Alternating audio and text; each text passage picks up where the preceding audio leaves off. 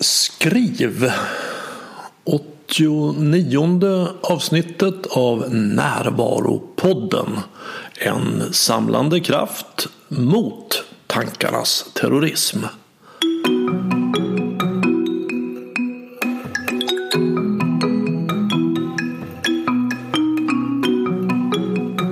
Det här är Bengt Renander och det var länge sedan det kom ett avsnitt av Närvaropodden. Och det pågår ju en ljudlig fasadrenovering här i huset där jag spelar in.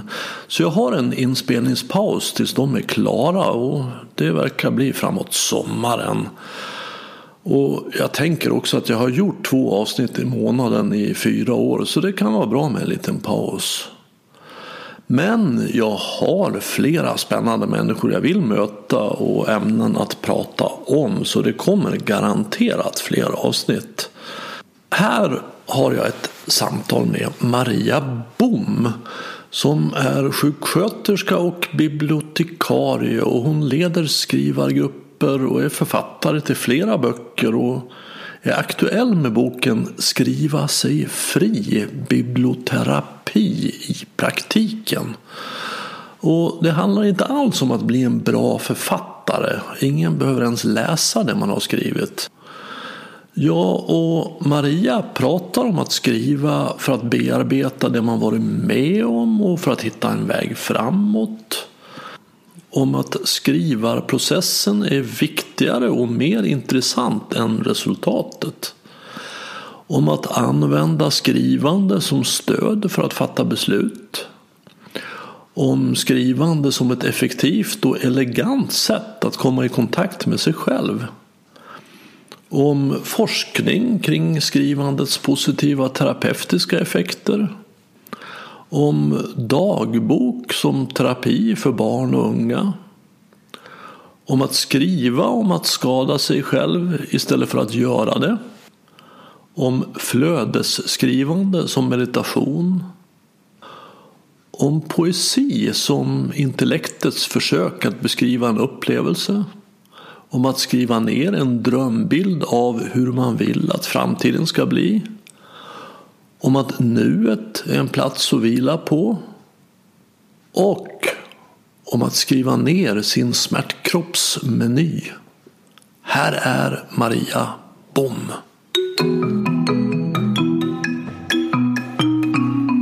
Biblioterapin eh, handlar väldigt ofta om läsning men en del av biblioterapin eh, handlar om skrivande.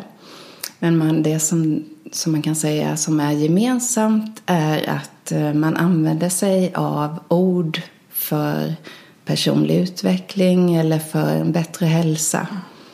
Och i det här fallet då skrivande biblioterapi. Man skriver för att eh, kanske antingen eh, mer lära känna sig själv, vem man är på djupet eller för att komma underfund med sin väg framåt eller vad man har varit med om. Så det handlar om skrivande som är kopplat till den person man är. Mm. Den personliga resan man har, kan man säga. Ja, för det, det tycker jag att ju, ju äldre jag blir och ju mer jag lär mig desto större blir mysteriet mm. om vem jag är. Mm. Mm. Verkligen, och det man kan upptäcka det eh, just inom skrivandet är ju när man kommer till den här känslan av var det jag som skrev det där? Eller oj, oj, oj, var kom det ifrån? Och det händer ju allt som oftast. Som skiljer den här typen av skrivande mot annat skrivande är att man det är inte själva texten som blir, inte produkten som är det viktiga, utan det är processen, skrivandet. Det är själva skrivandet som är det viktiga. Inte egentligen produkter Man pratar heller i sådana här sammanhang som till exempel skrivargrupper på biblioterapeutisk grund så pratar man sällan om själva texten som blir utöver vad den betyder för den som har skrivit den eller kanske för de som lyssnar. Precis, det är inte till för att man ska spara det här så att det ska läsas av någon annan utan det är processen att titta på vad händer när jag skriver ner det som mm. händer i mig. Mm. Närvaropodden har ju som underrubrik Stoppa tankarnas terrorism. Mm. Man kan ju säga då att, att, att, skrivande är ju då att jag skriver ner tankarna. Mm. Direkt. Mm.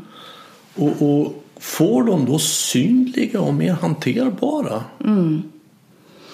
Precis, det kan ju vara ett sätt att släppa eh, tankarna. Att man får ner dem och man kan kanske lättare släppa dem.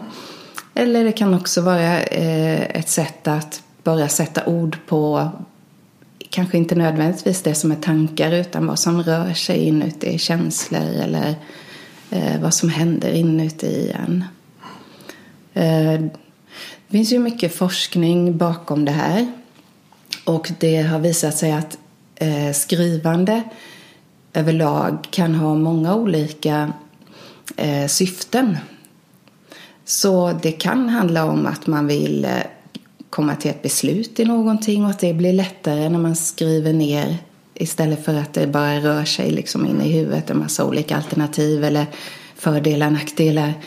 Men det kan också vara ett sätt att kanske eh, fundera på hur hamnar jag här? Vilka vägar har lett mig hit?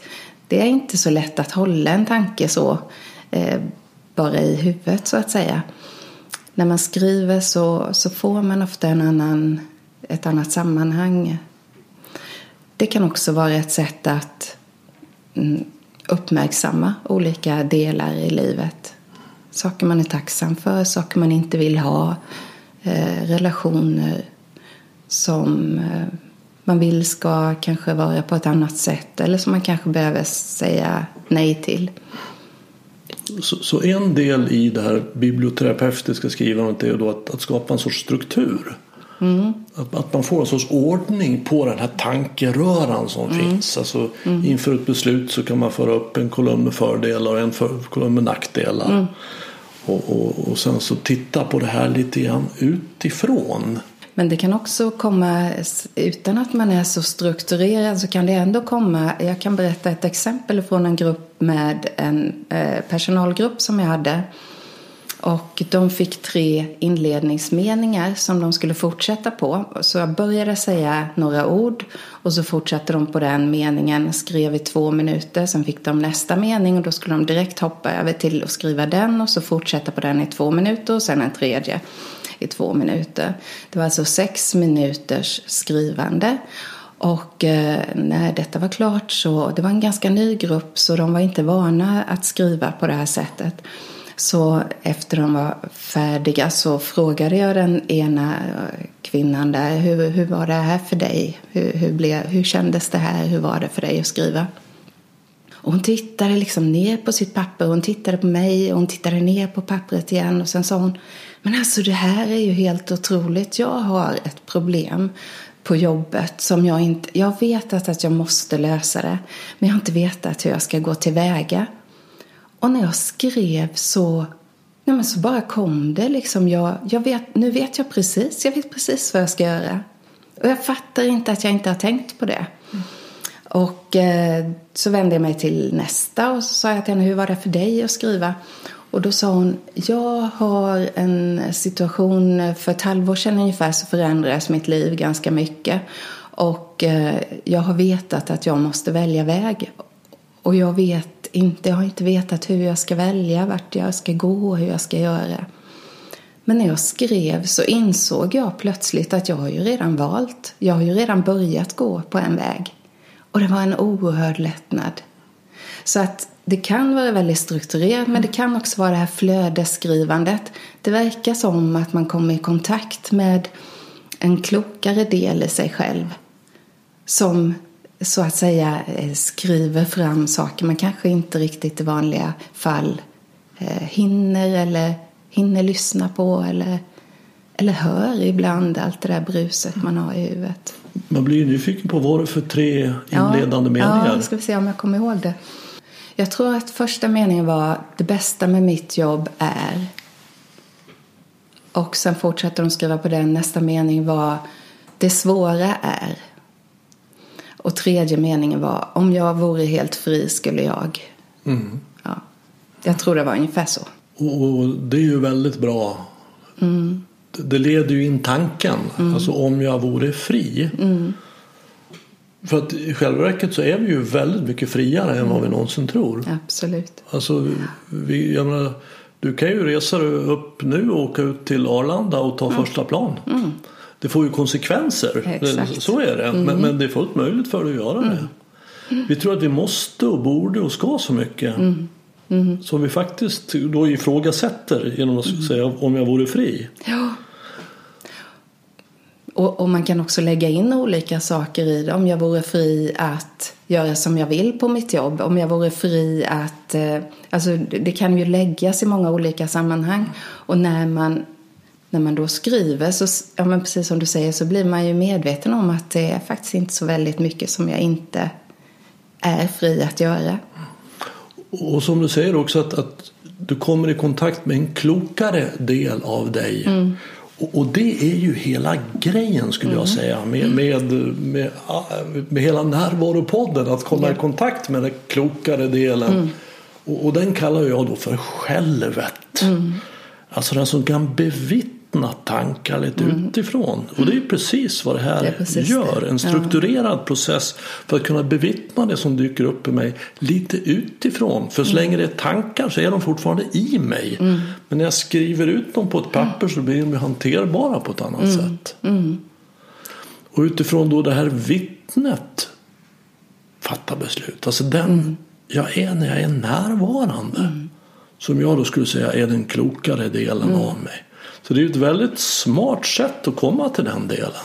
Den delen får ju en tydlig form.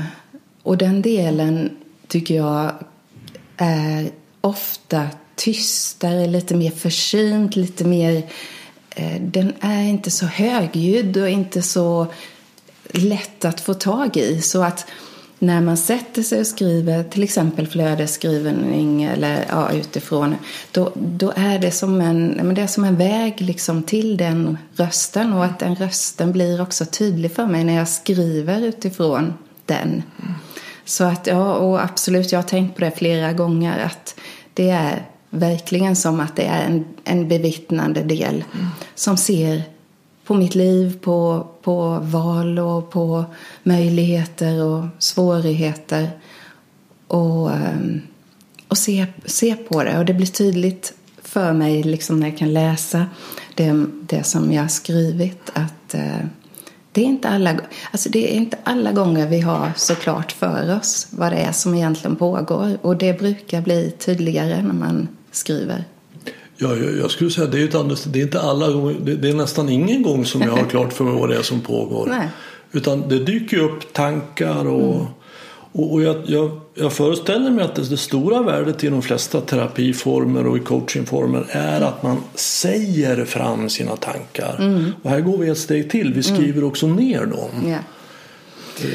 Och då kan jag passa på att berätta lite om hur forskningen började vad det gäller skrivande. På 80-talet så eh, började James W. Pennebaker fundera på ifall det är så att det räcker med att skriva, sätta ord på det som man har varit med om som är svårt, har varit svårt i livet. Därför att då hade forskning visat att Människor som har varit med om traumatiska händelser i livet har en sämre fysisk hälsa senare i livet. Och av den gruppen som har varit med om traumatiska händelser och har en sämre fysisk hälsa, i den gruppen mår de ännu sämre som inte har pratat med någon om det de har varit med om. Det vill säga, man visste redan innan att det är bra att sätta ord på det man har varit med om som är svårt. Då bestämde han sig för att han ville göra en forskningsstudie och se ifall det, för det finns ju en anledning till att inte alla pratar med någon.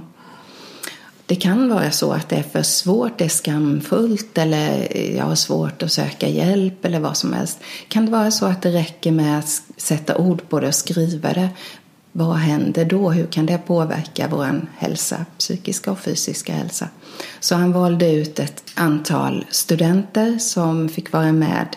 Eh, de kom till den här forskningsstudion vid fyra tillfällen. Det han bad dem göra var att skriv om det mest traumatiska du har varit med om i livet. Och du ska skriva med känslor, inte bara vad du tänker om det, utan försök minnas hur det var för dig då. Hur känns det nu när du skriver om det? Och de fick skriva vid fyra tillfällen, 20 minuter varje gång. Och de fick lämna det här pappret. De fick ingen respons på det, utan bara fick skriva. Sen hade forskarna även bett att få följa dem i patientjournalerna under sex månader efter. Och det som förutom att de här fick skatta sin, e- sitt eget mående så tittade de även i patientjournalerna och upptäckte då att den gruppen som man delade alltså in dem i två grupper så ena gruppen skrev om det, andra gruppen skrev om vanliga eh, eh, vardagliga saker, hur det ser ut i deras studentrum eller vad de ätit för mat idag eller så. Och den gruppen som hade skrivit om sina trauman visade sig ha 50 procent lägre eh, läkarbesök under sex månader efter. Och då talar vi om läkarbesök som har med halsfluss, lunginflammation, öroninflammation, vanliga egentligen virusinfektioner, bakterieinfektioner. Och det här blev, var ju förvånande resultat. Man förstod ju att mest troligt skulle de kanske kunna känna att de mår lite bättre när de har lastat av sig sånt de kanske har gått och burit på väldigt länge. Men att det skulle ge ett så tydligt resultat i deras fysiska hälsa som egentligen hade med vanliga enkla infektioner att göra, det hade man ju inte trott. Och eh, därför blev den här väldigt uppmärksammad och man valde att göra en liknande studie ett kort tag efter där man gjorde på samma sätt, det var samma upplägg men de fick även eh, ta blod, lämna blodprov i början och efter de här fyra dagarna och efter sex månader. Och då visade det sig att immunförsvaret var förändrat på de som hade skrivit om sina traumatiska upplevelser. Det var alltså fler T-lymfocytceller som är ju en viktig del, vet vi, i immunförsvaret. Det är precis samma sak som man har sett i, med människor som mediterar till exempel och så. Så det är, det är egentligen inte så konstigt därför att det vis, man tror att det handlar om att någonting sker i kroppen när man skriver eller när man mediterar eller musicerar eller vad det är som påverkar hormoner och enzymer och så vidare som, som har liksom med stress att göra. Och att stress påverkar immunsystemet negativt, det vet man också om. Så det här blev ju väldigt stort. Det var många forskare runt om i världen som tyckte att detta var spännande resultat. Och efter det så har det gjorts uppemot 2000 studier tror jag man har gjort i det här området med olika typer av grupper. Antingen har de visat mindre resultat i vissa grupper, kanske inga resultat. Men de allra flesta har visat väldigt positiva resultat vad det gäller både den psykiska och fysiska hälsan. Det finns ju de som menar att, att tra det stora traumat mm. är egentligen inte händelsen mm. utan att det inte finns någon efteråt att prata med mm. om händelsen. Mm. Att det inte, man inte kan, alltså om man får en örfil av sin pappa mm. så, så är det i och för sig en, en, en trauma och det, mm. det är verkligen inte bra. Mm. Men att man inte kan fångas upp av en, ett familjesystem som pratar om det här och säger att det här var inte bra och att man får berätta om hur man känner utan man behöver hantera det själv. Det är det som är traumat. Och då, i, i, ljuset av det blir det väldigt begripligt att jag i alla fall får skriva om det.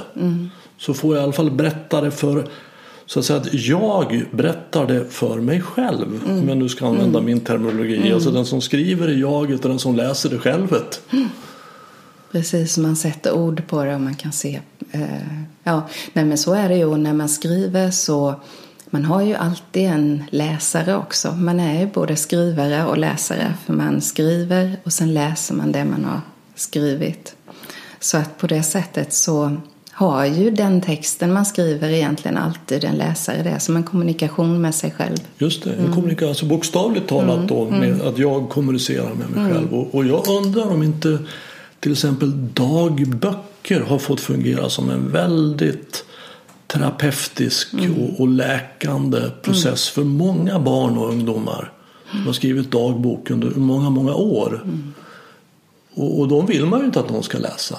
Nej. De är inte till för att de ska. Nej. Det är ju lås på dagboken ofta. Gömda. Och det visar väldigt tydligt att det här är bara för mig. Det är en del. Men man skulle kanske inte säga att det här är min traumabearbetningsbok. Istället för dagbok. Men det är egentligen det det handlar om. Och när jag första gången kom i kontakt med en människa som använde verkligen sin dagbok som en traumabearbetningsbok. Det var på en kurs jag gick i skrivande. Och jag träffade en tjej där som efter några dagar när vi hade haft kontakt, vi fick ganska nära kontakt hon och jag och eh, en dag frågade jag henne hur kom, du, hur kom det sig att du började skriva? Och då berättade hon att hon hade varit väldigt, väldigt sjuk under hela sin tonårsperiod. Eh, sen hon var egentligen eh, barn. Och under hela tonårsperioden hade varit psykiskt sjuk. Hon hade en anorexiproblematik och hade åkt in och ut både på sjukhus och behandlingshem. Nu var hon kanske närmare 30. Och hon berättade att hon hade en bok. Hon hade också ett självskadebeteende. Hon hade en bok där hon började skriva om vad hon ville, vad hon, hur hon skulle vilja skada sig själv. Och hon upptäckte att hon fick en lättnad i att skriva om det. Hon fick till och med en lättnad så pass stark så att hon upplevde det som att hon kunde skriva istället för att göra det. Hon skrev väldigt detaljerat precis hur hon skulle skada sig själv. Och det gav en lättnad på samma sätt som det gjorde eh, att göra det på riktigt. Hon berättade också att hon hade en dödsbok som var en eh, dagbok. Hon hade skrivit ett svart kors på utsidan och gömde den längst in i sin garderob. För hon, var ju, hon sa att mamma och pappa skulle bli förtvivlade. Och den tog hon fram när det var alldeles hopplöst och hon inte kunde bli av med sina självmordstankar och suicidtankar. Och då kunde hon skriva om hur hon skulle gå tillväga och lägga ihop boken, lägga tillbaka den och känna någon slags lättnad i det.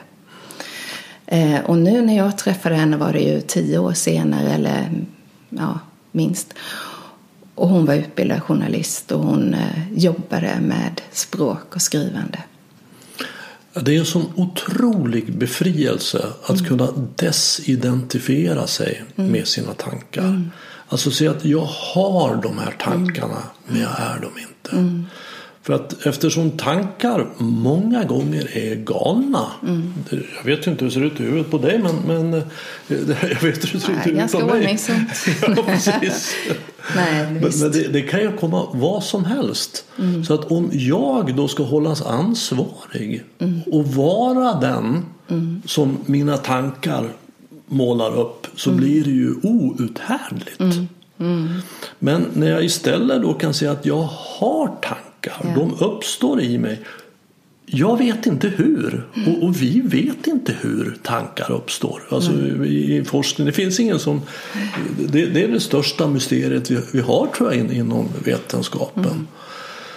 Hur uppstår tankar och, och medvetandet? Men då att, att, att jag, för att vi lever i en kultur där vi identifierar oss med våra tankar. Så att om det uppstår en tanke i mig, om jag har en, en, vi ska ha goda tankar och, och så vi säger goda saker för att vara goda men vi vet ju att, att det, det, det, det, det är inte bara jag som har fått ett barnbarn i händerna och tänkt att undra vad som händer. med- Tänk om jag kastar ut det genom fönstret. Det är helt galet, jag har inte gjort det. Men, men, Nej. jag, men har jag då inte kontakt med det här vittnet som kan säga att det var en tokig tanke Ja. till. Gud vad du håller på med tokiga tankar i mig. Om en det ena en det andra. Då är det ju lugnt så länge jag har kontakt med den. Men det finns ju de som, som säger det ser man ju i såna amerikanska serier och man läser ju ibland i tidningen att, att jag hörde en röst i mig som sa att jag skulle döda. Ja, vem hör väl inte en röst i sig? Jag, jag, jag, hela tiden. Men jag tar den inte på allvar. Men börjar man ta den på allvar så kan ju vad som helst hända eftersom rösten många gånger är galen. Så om det jag säger och gör är direkt kopplat till det jag tänker och känner så blir det ju galet. Absolut, ja, men så är det ju. Ofta är det också samma röst som säger det ena och det andra. det där borde du göra, det där borde du absolut göra och sen mm. gör man det. Ja, det gick ju inte så bra, det borde du väl förstått. Det är ju mm. liksom samma röst som är i, igång. Men sen handlar det också, så det är ju en del att få syn på eh, den där djupare delen i oss. Men sen tänker jag också att skrivandet kan användas som en form av meditation. Därför att istället för att, alltså när man mediterar använder man ju olika saker som man använder som så att säga eh, fokus. Det kan vara andningen eller det kan vara ett mantra eller det kan vara bön eller det finns ju olika traditioner. Och skrivandet kan också vara en typ av aktivitet så att säga som man fäster sin, eh, sitt fokus på. Så att eh, använda skrivandet, bara ett flödesskrivande som ett sätt att stilla sig, att lugna ner kroppen, att ja, lugna ner huvudet också. Och att flödesskriva det är att sätta sig och bara låta orden komma mm. i den ordning mm. de kommer. Mm. Man kan eh, utgå ifrån någon, man kan utgå ifrån ett ord, man kan bara slå upp en bok och se ett ord där, man kan utgå ifrån det. Eller, eller finns det någon mening, någon dikt eller en bild eller, eller så som man kan mm. utgå ifrån. Man utgår och sen låt, skriver man bara mm. det, det som kommer. Man kan säga att man kan, man kan eh, bestämma ganska kort, om man nu vill testa det här. Mm. Då bestämmer man sig för en ganska kort tid, fem minuter eh, sätter en klocka på ett alarm på fem minuter och sen börjar man skriva ut. Man kan till exempel välja ett ämne, låt säga frihet som vi pratar om, man är mycket friare än man tror. Vi säger frihet. Eh, då börjar man skriva det ordet och man skriver det ordet tills det dyker upp något annat i huvudet. Då skriver man det och så följer man den tanken och sen så kommer man inte på någonting mer så skriver man frihet igen. Frihet, frihet, frihet. Varför? Vad är det med ordet frihet som gör mig så Nej, nu stoppar det igen. Frihet, frihet. Och så liksom följer man det. Mm. Men, men vitsen, eller egentligen det enda man har att göra är att inte lyfta pennan ifrån pappret. Man låter den följa. Kommer ingenting så fortsätter man på samma ord igen. Det är ett sätt att på ett väldigt enkelt sätt göra en Spelar det någon roll om man använder penna och papper eller skriver på datorn? Det verkar inte så. Det finns en del studier som, och en del forskare som menar att, eh, att och det, det kanske det har, det vet, jag vet inte. Men det tycks som om de flesta eh, forskare menar att det spelar inte så stor roll. Man kan välja vilket som. Mm. Vad, vad är din Men det finns, Nej, det blir mest, eh, det, när, jag, när jag skriver grupper och så, så blir det ju mest handskrivet. Mm. Men eh, min egen personliga erfarenhet är att det spelar ingen roll för mig om jag skriver i en bok eller ifall jag skriver på datorn. Jag om jag skriver sådana här flödesskrivande. Mm. Eller... Men sen har du skrivit då fem minuter frihet och det har mm. blivit frihet ganska många gånger. Mm. Men lite annat också. Mm. Mm. Det är ju mer random. Mm. Helt slumpmässigt vad som dyker upp. Ja. Vad, vad händer sen? Sen kan man eh, titta på den där texten och så ser man, är det någonting här som jag tycker är intressant? Är det något ord som sticker ut? Eller oväntat? Oj, var kom det ifrån? Och så kan man stryka under de orden. Och så skriver man upp dem och sen skriver man kanske fem minuter till utifrån de orden som på något sätt berörde mig eller stack ut eller förvånade mig eller så. Så gör man om samma sak utifrån de orden. Sen kan man fortsätta på olika sätt att gå djupare och djupare in i. Finns det en, man kan också ställa sig frågor ifall man... Eh, finns det någonting i den här texten som, som vill säga någonting till mig? Finns det någonting i den här texten som känns skönt att läsa som jag inte har tänkt på eller inte? Eh, eller så, alltså det kan också bara få vara som det är. Ja, nu har jag gjort det. Mm. Nästa gång kanske det kommer något annat intressant. Det påminner ju om circling som är också en meditationsform där man mm. sätter sig ner och, och säger det mm. som kommer. Ja, det kan man verkligen säga. Till en annan mm. människa. Och, och, och, och jag skulle nog säga att det alla meditationsformer har gemensamt det är ju det att man är närvarande med det som är. Mm. Man låter det som är vara mm. och tar emot då mm. vad det nu blir för ord som man mm. säger eller andning eller, eller tankar som kommer.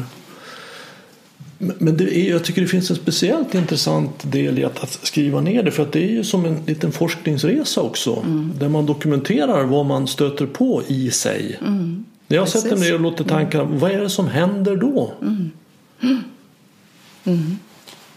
Ja, men så är det ju. Och eh, det är ju ofta som man eh, eh, som, jag, som jag möter att människor säger Men va? Hade jag det där inom mig? Är det jag som har skrivit det där? Och det är ju, eh, det är ju intressant alltså. Och underligt. Hur kan man gå omkring med saker man inte vet att man har? Ja, det är klart att man kan, men, men eh, det, det är väldigt fint. Och det här sättet som jag sa, den lilla övningen, det är ju bara en enda. Det finns ju jättemånga olika sätt man kan närma sig skrivandet. Det viktiga i det hela är att det är kravlöst. Det finns liksom ingen, du ska inte prestera någonting. Ingen som ska bedöma någonting. Du ska bara vara med dig själv en stund. Och det är ju för att ta bort rädslan. Och rädslan drar bort oss ifrån närvaron. Så att acceptansen är väldigt viktig för att kunna vara närvarande. Det går inte att vara, fall, ja, jag tror inte det går att vara närvarande om man inte accepterar det som är. För då hamnar jag ju i rädsla att det inte ska duga till och då, då är jag ju borta. Och därför om man har grupper eh, i skrivande, biblioterapeutiskt skrivande eller reflekt, man kan kalla det reflekterande skrivande. Eh, då är det ju viktigt att man vet att det du skriver behöver du inte läsa upp. För så fort man vet att någon ska läsa upp det så censurerar man sig direkt. Man kan inte göra något Nej. annat. Det märker jag när jag sjunger. Att har jag bara en tanke om att någon hör mig då, då åker min förmåga ner till 10 procent av en förmåga som från början kanske inte var så stor heller. Ja, nej, men det är någonting med det där. Eh, det blir inte... Det, nej, det, det går inte att vara så avslappnad ifall man vet att någon eventuellt tänker bedöma. Nej, Nej. Och det är ju också en, en, en viktig del i väldigt många traditioner som handlar om personlig utveckling, andlig utveckling. Att, för, att, att faktiskt skriva, föra journal, skriva som ta tolvstegsprogrammet.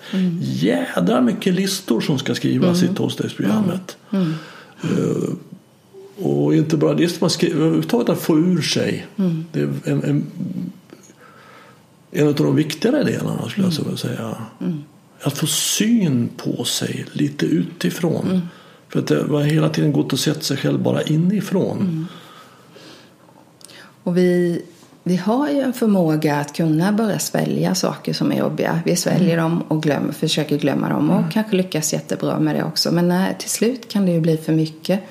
Och eh, jag tänker till exempel på de här grupper jag har haft med sjukvårdspersonal. Eh, det är ju en arbetsplats där man verkligen får svälja väldigt mycket. Man ser människor i deras jobbiga eh, skeden i livet. Man kanske lever, man kan, lever med katastrofer. Och man har inte tiden att prata om det eller, eller bearbeta. Och där kan ju skrivandet verkligen vara en hjälp därför att där kan man sätta ord på det. Fem minuter efter man har slutat jobba kanske kan man sitta och, och bara skriva av sig det som har varit och kunna på det sättet ändå eh, ja, slippa ha det inombords. Och det har också visat sig, det finns i Stanford i USA eh, har man startat ett program, det heter The Medicine and the Muse. Och där har man en författare som kommer till eh, skolan, den medicinska, alltså läkarutbildningen på Stanford University. Och eh, där har de skrivande tillsammans med en författare som ett sätt att bearbeta vad de möter i sin utbildning och på sin praktik. Och det var en läkare som sa en sak som jag kommer ihåg. Eh, han sa så här. Det finns så många möjligheter för oss att skina på den här utbildningen. Men var finns möjligheten att vara sårbara? Det vill säga att dela de här eh, tillfällena när man misslyckas eller när man är faktiskt inte en bra läkare eller man gjorde ett felbedömning. Och det var sådant som kom fram när man hade börjat skriva i skrivargrupper tillsammans. Det var de där sakerna man inte normalt sett delade med andra.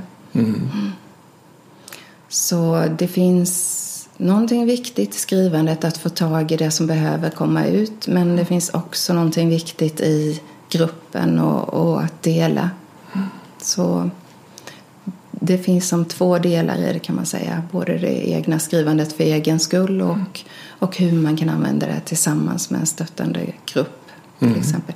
Och sen finns det ju förstås många terapeuter som använder skrivandet som en del, som ett verktyg i sin eh, terapeutiska verktygslåda. Med nästan alla mina klienter så pratar jag om den här kartan med egot och självet och mm. vi, vi, gör det väldigt mm. visuellt och tydligt och vi delar upp egot i olika delar, olika delpersonligheter och, och en av dem brukar jag kalla för smärtkroppen, mm. inspirerad av Eckart mm. Tolle. Och, mm. och, och, den handlar är ju egentligen rädslan, rädsla hur, mm. att jag duger inte till, hur ska det gå, hur det har varit. Och, och, och, och, det är ju den smärtan de flesta människor har faktiskt. Det är den jag, jag mm. ger mig själv genom mina egna tankar. Mm. Det, det, det är 90, över 90 procent skulle jag tro av all smärta som vi har. Att vi mm. sitter och slår själv i huvudet med en hammare. Mm. Och vad jag då, jag brukar likna det med att smärtkroppen äter smärta. Alltså, och det är de här tankarna som är, är födan. De vill ha frukost och lunch och middag och frukoststund och fika och snacks. Och, och att då skriva ner mm. En smärtkroppsmeny brukar jag kalla det. Skriv ner vad din smärtkropp äter. Mm. Och, eh, så då får vara uppmärksam då. Ja. Och så när det, kommer, det behöver inte vara långa förslag utan bara att, att vilka fula ögonbryn du har. Och mm. Nu har du fått en stor dubbelhaka och mm. han tycker inte om mig och det kommer aldrig gå bra och jag är för bara skriv ner det. Mm. Och eh, så kommer de tillbaks då e-, efter en vecka eller två med den här listan. Så jag skriv ner det på papper och lista och så får de läsa upp den här listan. Mm. Och det är nästan nästan alltid så att vid någon punkt i den uppläsningen så sitter vi och skrattar så att tårarna rinner. Ja. För vi ser hur absurt ja. det är. Ja. Hur, hur, helt galet det mm, mm. När vi ser det utifrån. Mm.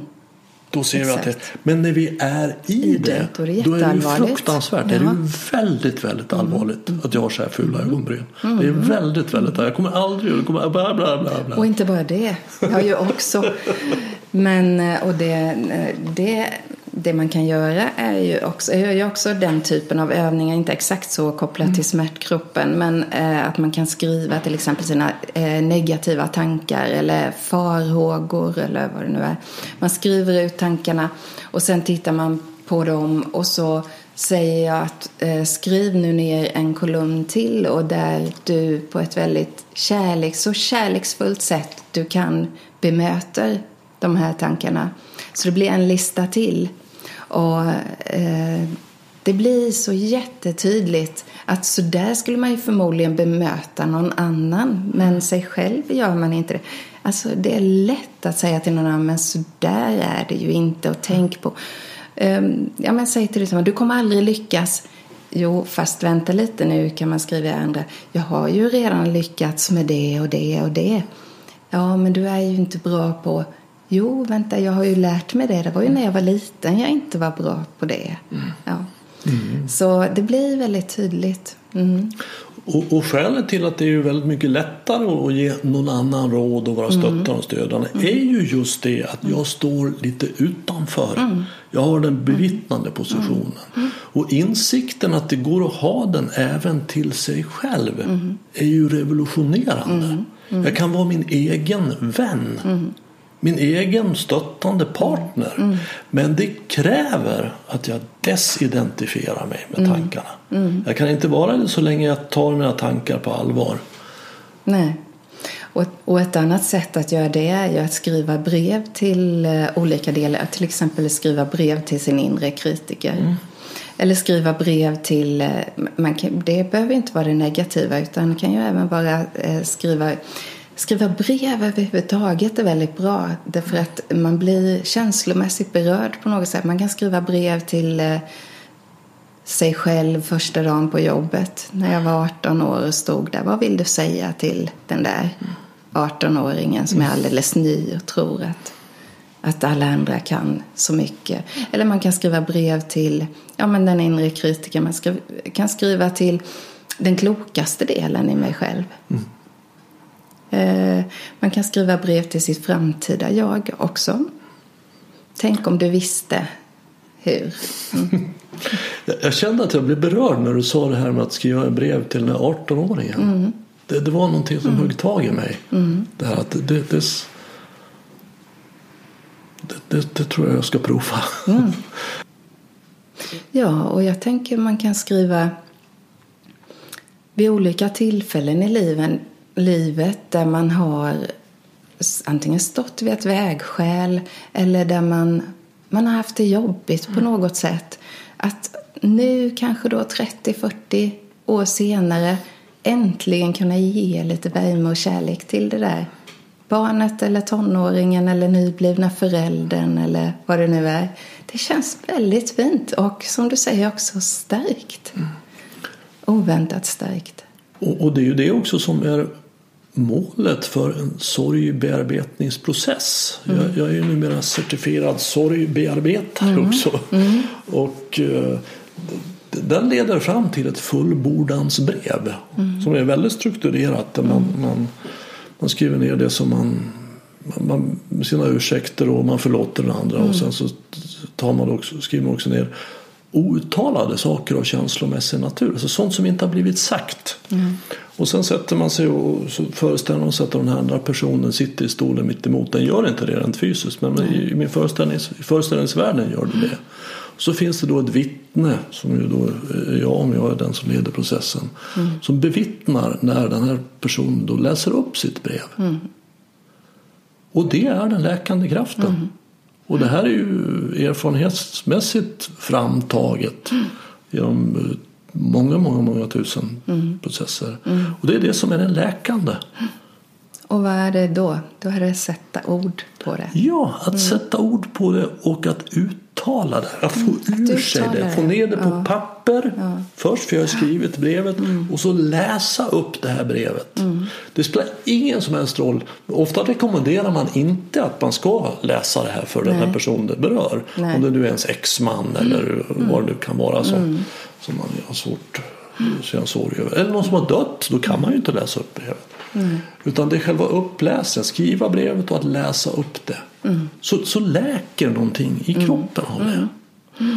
Och, och, jag tror, alltså immunförsvaret, jag är ju verkligen inte expert på det, men att det är klart att när man är rädd mm. så är det en stress. Mm. Och, och, då har kroppen fullt upp att ta hand om det. Mm. Och det är klart att man, man är mer mottaglig för infektioner om, man är stressad. Mm. Och det hade ju forskning visat. Så att göra den här sorgbearbetningsprocessen håller in, inte bara psykiskt frisk utan också fysiskt. Mm. Man mår bättre av mm. det. Ja, verkligen. Och sen är det intressant för att sen eh, de här allra första studierna som gjordes var ju just på människor som hade trauman och man skrev om sitt trauma.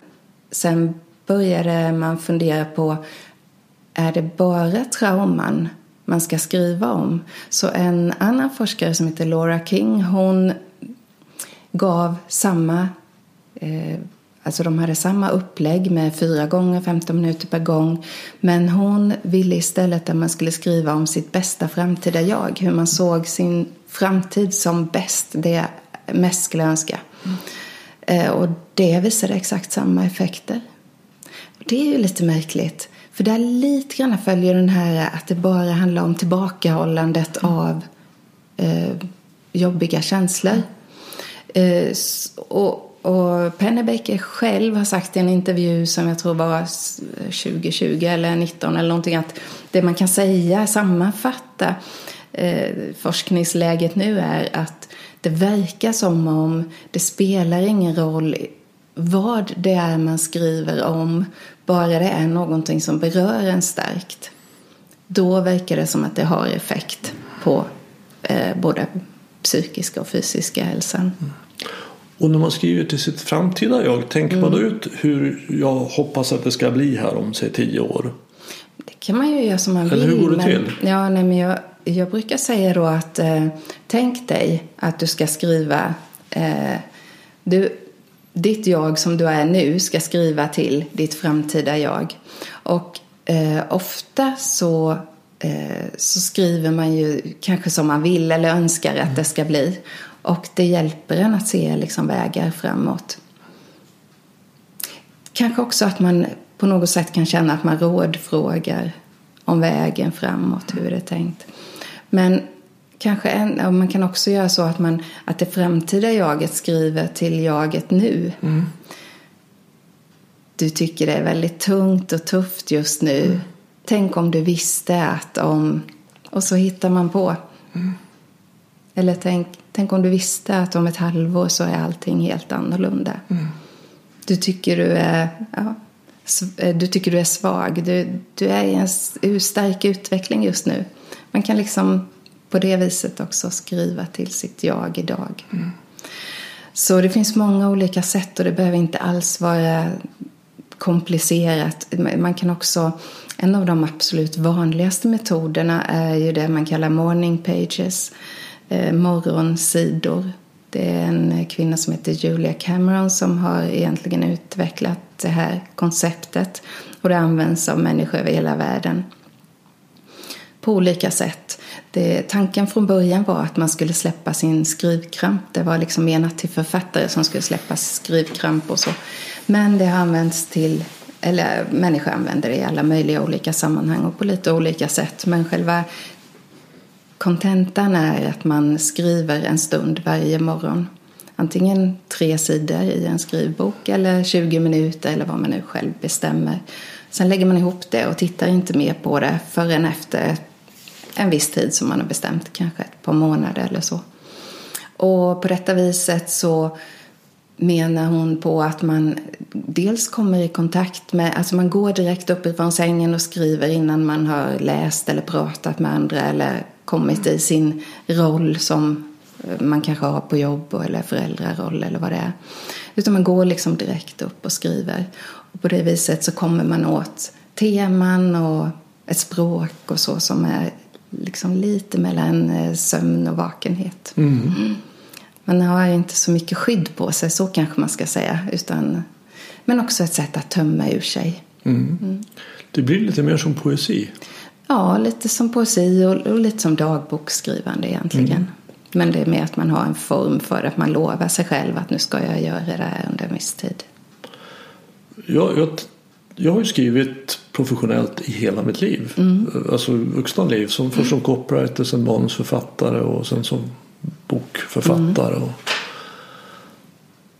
Men jag ser ju att jag har skrivit jag, jag eftersträvar ju tydlighet och struktur väldigt mycket. Mm. Det, det, är väldigt eh, från intellektet. Mm. Och, och, jag tror att det skulle vara nyttigt för mig att, att göra den här övningen, till exempel att skriva frihet bara och sen mm. se vad som kommer. Alltså att få, för att poesin är, kommer ju huvudsakligen, det, det, är ju, det är ju intellektets försök att beskriva en känsla. Mm. Mm. Alltså att beskriva en upplevelse med mm. hjälp av ord. För det mm. är jädra med inte lätt. Nej, det är inte lätt. Inte ens den enklaste upplevelse är lätt att beskriva med ord. Nej. Nej, och det, nej, verkligen. Och det är ju...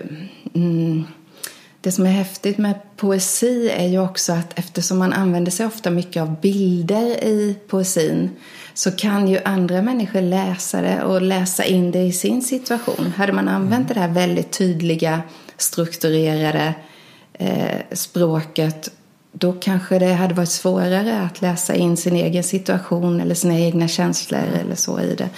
Eh, poesins fördel är ju att det både på ett dunkelt sätt men, eh, men också på ett väldigt eh, precis sätt sätter ljuset på någonting. Jag brukar jämföra det vid, eller likna det vid en, eh, om man tänker sig en, ett förstoringsglas. Och så håller man det mot någonting i solen och då kommer alla solens strålar till förstoringsglaset och så bryts det där och så på en enda punkt samlas det, koncentreras alla strålarna och därför börjar det hett, hetta, det blir liksom bränna. Och på samma sätt gör ju poesin, man använder livet som vi har omkring oss sätter ljuset på någonting väldigt specifikt och så koncentrerar ner det.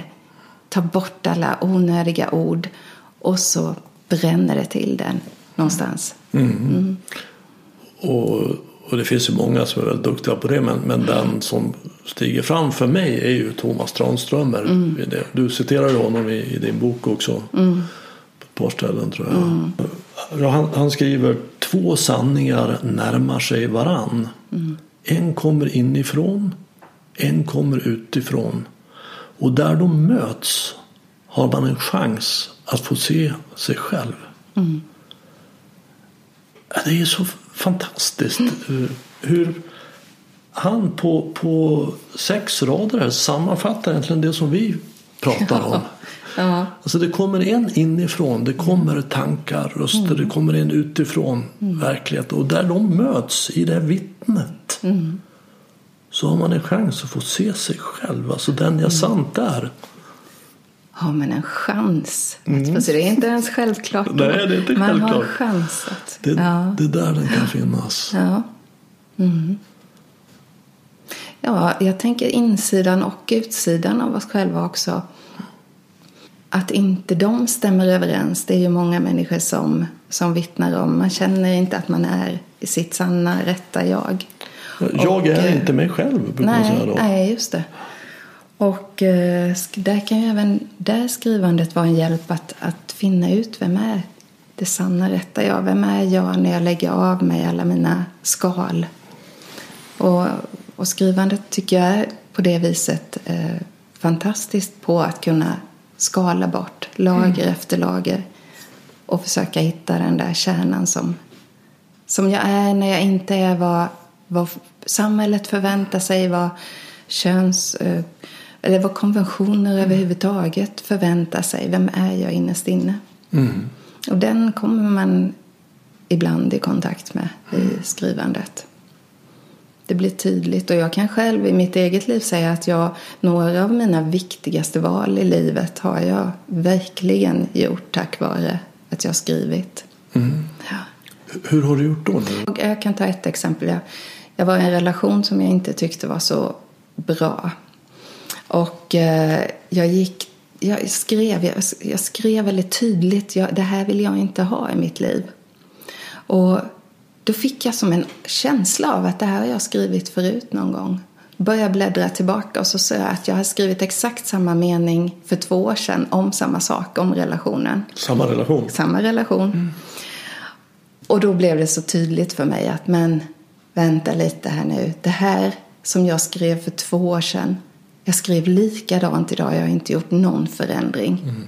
Det har inte blivit någon förändring det kanske är dags att inse att det här kommer inte bli annorlunda. Mm. Och hade jag inte skrivit det där då så är jag inte säker på det. Kanske jag hade skrivit det två år senare. Mm. Nej, men det blev så väldigt tydligt för mig då. Mm. Att ja, men situationen är precis likadan som för två år sedan. Och det var som att hjärnan kopplade också. Att jag, hur, jag menar, hur kunde jag komma ihåg att jag hade skrivit det? Men det var som det klickade till och jag, det här har jag skrivit förut. Mm. Så att eh, det kan vara på det sättet. Sen kan också skrivandet vara... Det behöver inte handla om att det är jobbigt eller att man ska eh, komma underfund med saker eller så. Utan skrivande kan ju också vara för glädje, för tacksamhet. Skriva tacksamhetslistor eh, är ju många som gör. Men man kan också välja ut att skriva områden i livet där man känner här har jag mycket jag är tacksam för. Välja det som tema och skriva om det eh, några dagar eller så. Man kan också, men det har ju också visat sig att eh, skriva om framtidsplaner och drömmar gör att man har större chans och benägenhet att det blir så. Mm. Och det är ju inget det är liksom inte någon magi, tror inte jag, utan det handlar ju om att man sätter tydliga ord på vart man vill och då är det lättare att ta sig åt det hållet. Vad kan jag göra idag för att nå det där som jag vill mm. om fem år? det där var populärt på 80-talet att man skulle göra en vision, alltså mm. skapa sig en bild av mm. en framtid. Så mm. När jag startade mitt första filmbolag så åkte jag ner till Danmark mm. för, i fyra, fem dagar för att göra en vision. Mm. Och, och det, det, den första man möter när man ska göra det är ju den här inre åklagaren som säger mm. Vem är du och tror mm. att du ska få och, och att bli, mm. få, få den att säga att nu får du åka på semester för att jag, jag behöver inte det nu utan nu ska jag drömma mm. fritt. Mm. Så jag gjorde det och sen åkte jag hem. Och jag glömde bort det där. Jag hade inte tanke på det och, och tre, tre år senare så satt vi på jobbet en en fredag eftermiddag och tog en öl och så pratade om visioner. Mm. Och då kom jag på att jag hade ju gjort det. Mm. Så jag gick bort och, och till, till, datorn och hittade snabbt det här dokumentet som låg undangömt någonstans. Mm. Och så tog jag med det tillbaks till det här gänget som satt och så läste jag upp min vision om att jag skulle ha en lokal med fyra rum i en lokal med fyra rum mm. och en heltidsanställd produktionsledare för min heltidsanställda produktionsledare. och jag kommer ihåg nackhåren verkligen reste sig på mig för att väldigt mycket mm. av det som stod där var nu verklighet tre mm. år senare. Mm. Och jag tror inte på magi eller någonting nej, sånt. Nej. Men, men jag, det, det, är klart att det sätter ett fokus på mig. Mm. Så att jag vet när jag har tur och när jag inte har tur. Mm. Att det här, okej okay, bra, det här ska jag använda. Mm. För, för, jag är på väg dit. Mm. Mm. Istället för att inte ha en aning om var jag är på väg någonstans. Så att, jag tror att det har ett väldigt värde. Mm. Och det här har man också använt sig av för studenter i det var två forskargrupper, en i Rotterdam och en i Toronto, Kanada, som eh, de bestämde sig för att eh, studenterna skulle få skriva en slags livs framtidsinventering. Och eh, de utgick ifrån ett antal olika områden där de fick skriva om hur de skulle vilja ha det om tre till fem år. Så det påminner lite mm. om det du sa. Och eh, områdena var alltifrån relationer, arbete, och det handlade också om eh, beroenden eller missbruk av något slag. Och sen så fick de skriva om, ja nu vet du hur du vill ha det på de här olika områden. Vilka av dina, av, av dina beteenden så att säga idag stöder och vilka kan möjligen vara skälpande för det. Och eh, det här var en, en intervention som tog ganska lång tid och ganska, ja, men vid flera tillfällen fick de återkomma till det här. Och det som visade sig var att de som var med i den här gruppen som eh, studien har pågått, eh, eller den har gjorts om flera gånger sedan. Men de som var med eh, höjde sina betyg ganska så mycket. Eh, och de som framför allt höjde sina betyg var de som kommer från socioekonomiskt och eh, utsatta områden och som hade en svår utgångspunkt och låga betyg. De höjde det till över medel på, och då talar vi om att de kanske jobbade med det här under en termin eller någonting sånt. Man tror att det handlar om att man kanske aldrig egentligen för sig själv, kanske inte var någon som hade frågat vad vill du i ditt liv? Och hur, hur kan du nu, vad det du gör nu, hur kan det påverka det som du eh, drömmer om? Mm. Och det är väldigt, de, sen, sen nu ingår detta i deras program på eh, de här skolorna. Mm. Jag vet att min falukompis och framgångscoachen Kjell Enhager som ju också varit med mm. i podden. Han, han, han berättade en, en, rolig historia om den. Sannolikt inte spelar ju egentligen ingen roll men han berätt, som jag minns det så berättade att han såg och pratade med en granne där han bodde i ett, eh, sitt eh, villaområde och, och, och grannen sa så här att ja, alltså alla verkar få från Josefssons, alltså postorder. Mm. Men jag, jag får inget. Mm. och jag frågade, ja men har du beställt något då? Mm. Va? Nej, måste man det? ja, man måste beställa från Josefssons för, för att få något från Josefssons. Mm. Det är ju inte säkert att man får för att man har beställt från Josefssons. Men, men man har ju ökat sannolikheten. Och det här är ju lite grann som att göra en sorts beställning av livet. Mm. Det är ju inte säkert att man Nej. får det. Nej. Men man har nog ökat sannolikheten. Mm. Mm. Precis. Ja, man vet de, de valen man kan göra som går åt den riktningen, de kanske man ser när man eh, har Mm. tydligt liksom funderat på vad det är man vill. När vi tittar på det här med, skrivande, biblioterapeutiska så blir, skrivandet så blir det en ganska stor palett med många olika Mm. användningsområden. Det här är ju ett, ett ganska strukturerat, Mm. Framtidsinriktat terapeutiskt sätt och sen har vi allt utifrån att bara sätta sig ner och flödesskriva Mm. och se vad som kommer som ju verkligen för mig då poesi. Så det, det är väl brett. Mm. Och sen är det ju också det här med traumabearbetning. Det finns ju många som eh, jobbar med det och skrivandet. Just det. Mm. Och eh, jag har med en person i boken som... Jag, jag, jag skrev i en sån här skrivar-community eh, och frågade om det var någon som ville dela, som hade erfarenhet av hur skrivandet hade hjälpt till i en svår situation i livet och om de ville dela det och ha med det i boken. Och det var en kvinna som svarade att hon kunde tänka sig att dela sin historia. Och hon hade mitt i livet tre ganska små barn hade hennes man blivit väldigt, väldigt sjuk. Och hon upptäckte skriven, hon hade egentligen aldrig skrivit dagbok eller någonting sånt. Men hon upplevde att hon behövde någonstans där hon bara fick vara sig själv. Där hon inte behövde vara stark. Eh, eller där hon inte behövde vara stöttande. Som hon upplevde att hon, ja, men som hon var tvungen att vara. Eh, både i kontakten med sin man som var väldigt sjuk och som också gick bort sen. Men också med, eh, tillsammans med sina barn så ville hon ju vara en stöttande. Och någonstans behövde jag bara få ösa ur mig min frustration och ilska och, och, och förtvivlan förstås inför situationen. Och det blev skrivandet. Och hon berättade också, eller hon, efter detta så hon har, hennes liv har tagit en annan riktning för hon har utbildat sig och eh, jobbar med skrivande för traumabearbetning. Så att, eh, ja. Jag, jag läste den historien Ja. i, din bok och, och, och, och hon också skrev var ju att hon visste att det alltid fanns någon där som Ja. kunde lyssna på det här. Det. Och det var ju hennes själv. Mm, just det. Mm. För att det var inte säkert att, att eh, hon hade behovet av att prata just när hon hade tid på vårdcentralen eller hos sin terapeut. Men det här fanns alltid just när hon absolut bara behövde det. Och så är det ju med självet. Det finns alltid där. Det finns alltid här, nu.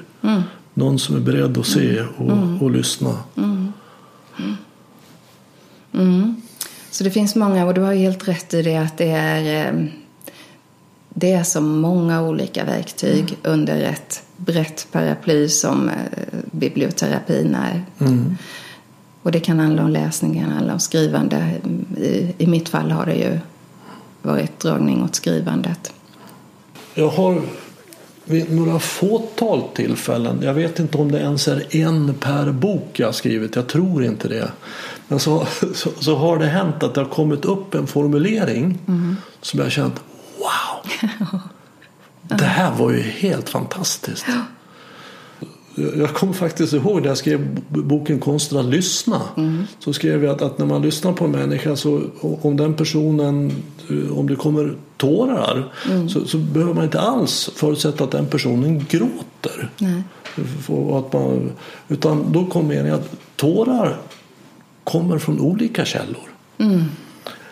Och det jag skrivit, wow! Ja, var kom det ifrån? Jag förstår att det Ja. inte blir, låter så märkvärdigt här, men för Nej, mig då, Ja. Mm. när det, att det kommer från olika, det finns Källor. olika Mm. källor för, Ja. för tårar i oss. Man kan vara rörd och sådär. Mm. Och då känner jag, wow! Det där, det där, jag, jag kommer att tänka på den här poeten som, som en kvinnlig poet, tyvärr jag kommer jag inte ihåg hennes namn, du kanske kommer ihåg det.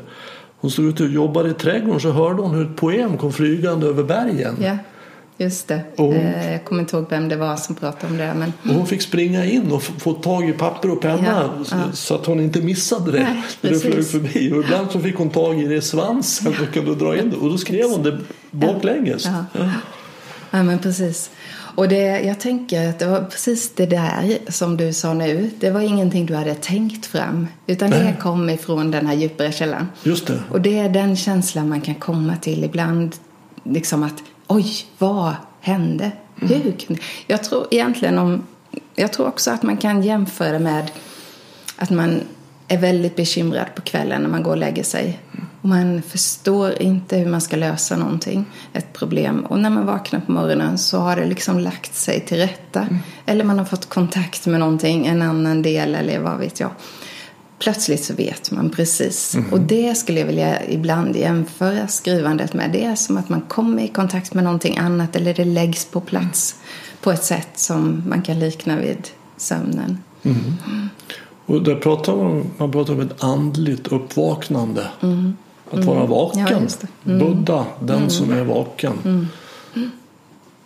Och det är ju det som det här skrivandet då hjälper oss med. Mm. Att vakna upp ur tankarnas drömvärld. Och se att vad, vad är det som händer och smärtkroppen ser ut sådär. Vi kan Mm. skratta åt det gott. Med värme och kärlek. Det är inte så att vi hånskrattar åt smärtkroppen. Vi säger, Gud vad jag håller på. Oj, oj, oj. Mm. Eller oj, jag förstår verkligen att du är rädd om mig som vill att jag ska hålla mig ifrån det och det och det och det. Men jag Exakt. behöver inte det där. Jag Nej. klarar mig nu. Den där rädslan står inte i proportion till faran. Nej. Nej.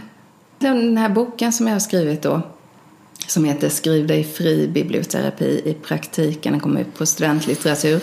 Eh, dels kan man läsa den ifall man själv är nyfiken på hur kan jag använda skrivandet i mitt eget liv för personlig utveckling eller bearbetning eller, eh, eller framtidsdrömmar, planer. Men den vänder sig kanske framför allt till ifall man vill leda andra i skrivandet. Jag har väldigt mycket skrivarövningar, hur man kan gå tillväga och, och också mycket exempel från vad jag har mött i olika skrivarsammanhang, skrivargrupper.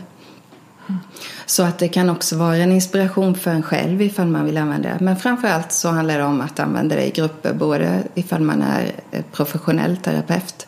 Eh, Men man kan också använda det i mer medmänskliga frågor och sam- samtal som man kan ha på bibliotek eller på, eh, i skolans värld. Det finns ett kapitel som handlar om barn och ungas skrivande. Så att det finns som sagt någonting där inne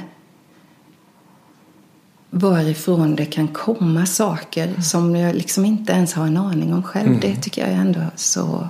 Det är häftigt och roligt. Och eh, lättnad. Eh, alltså jag, det, jag upplever också en stor lättnad om jag är stressad och sätter mig och skriver. Alltså då, nu talar jag bara om skrivande, dagboksskrivande, diktskrivande eller sådant skrivande som jag egentligen inte har en plan med. Eller om jag sätter mig och målar. Så det ger någon slags lättnad och jag tror det handlar om närvaro. Att man stänger av tankarna på framtiden, stänger av tankarna på hur det har varit. Eh, Man tänker inte ens fem minuter tillbaka i tiden utan det är här och nu. Hur läggs den färgen på den färgen? Eller hur kommer det ordet efter det ordet? Ja, För det är ju en så viktig insikt att, att det finns alltid en plats att vila på. Och den platsen är nuet. Här nu är en plats att vila på. Och att, att då skrivande eller målande eller skapande gör vi egentligen bara när vi är i den platsen.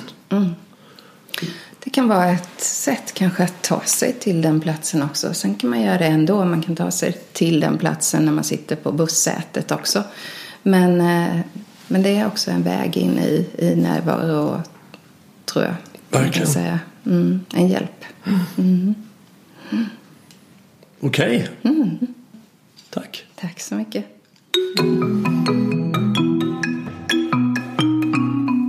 Om du vill veta mer om Maria, beställa hennes bok Skriva sig fri biblioterapi i praktiken eller komma i kontakt med henne så finns en länk till hennes hemsida i anslutning till det här avsnittet på min hemsida renander.nu. Jag gör Närvaropodden för att sprida kunskap om hur medvetenhet och närvaro kan hjälpa oss att sluta terrorisera oss själva och andra med tankar. Om du vill stödja podden, hjälp till att sprida den genom att tipsa om den till vänner och bekanta. Och det är också hjälpsamt om du betygsätter och skriver kommentarer på iTunes. Vill du veta hur du kan bli mer medveten och närvarande? Köp min senaste bok Stoppa tankarnas terrorism. Boken har fått många positiva omdömen som tydlig, klar, enkel och väldigt användbar. Enklast köper du boken via hemsidan renander.nu och jag signerar den gärna om du vill. Har du något ämne eller person som du tycker skulle passa här i Närvaropodden? Tveka inte att kontakta mig. Enklast gör du det via kontaktformuläret på hemsidan renander.nu. Desto fler vi är som är vakna i verkligheten, desto mer kan vi förändra den på riktigt. På återhörande. Och du, var uppmärksam.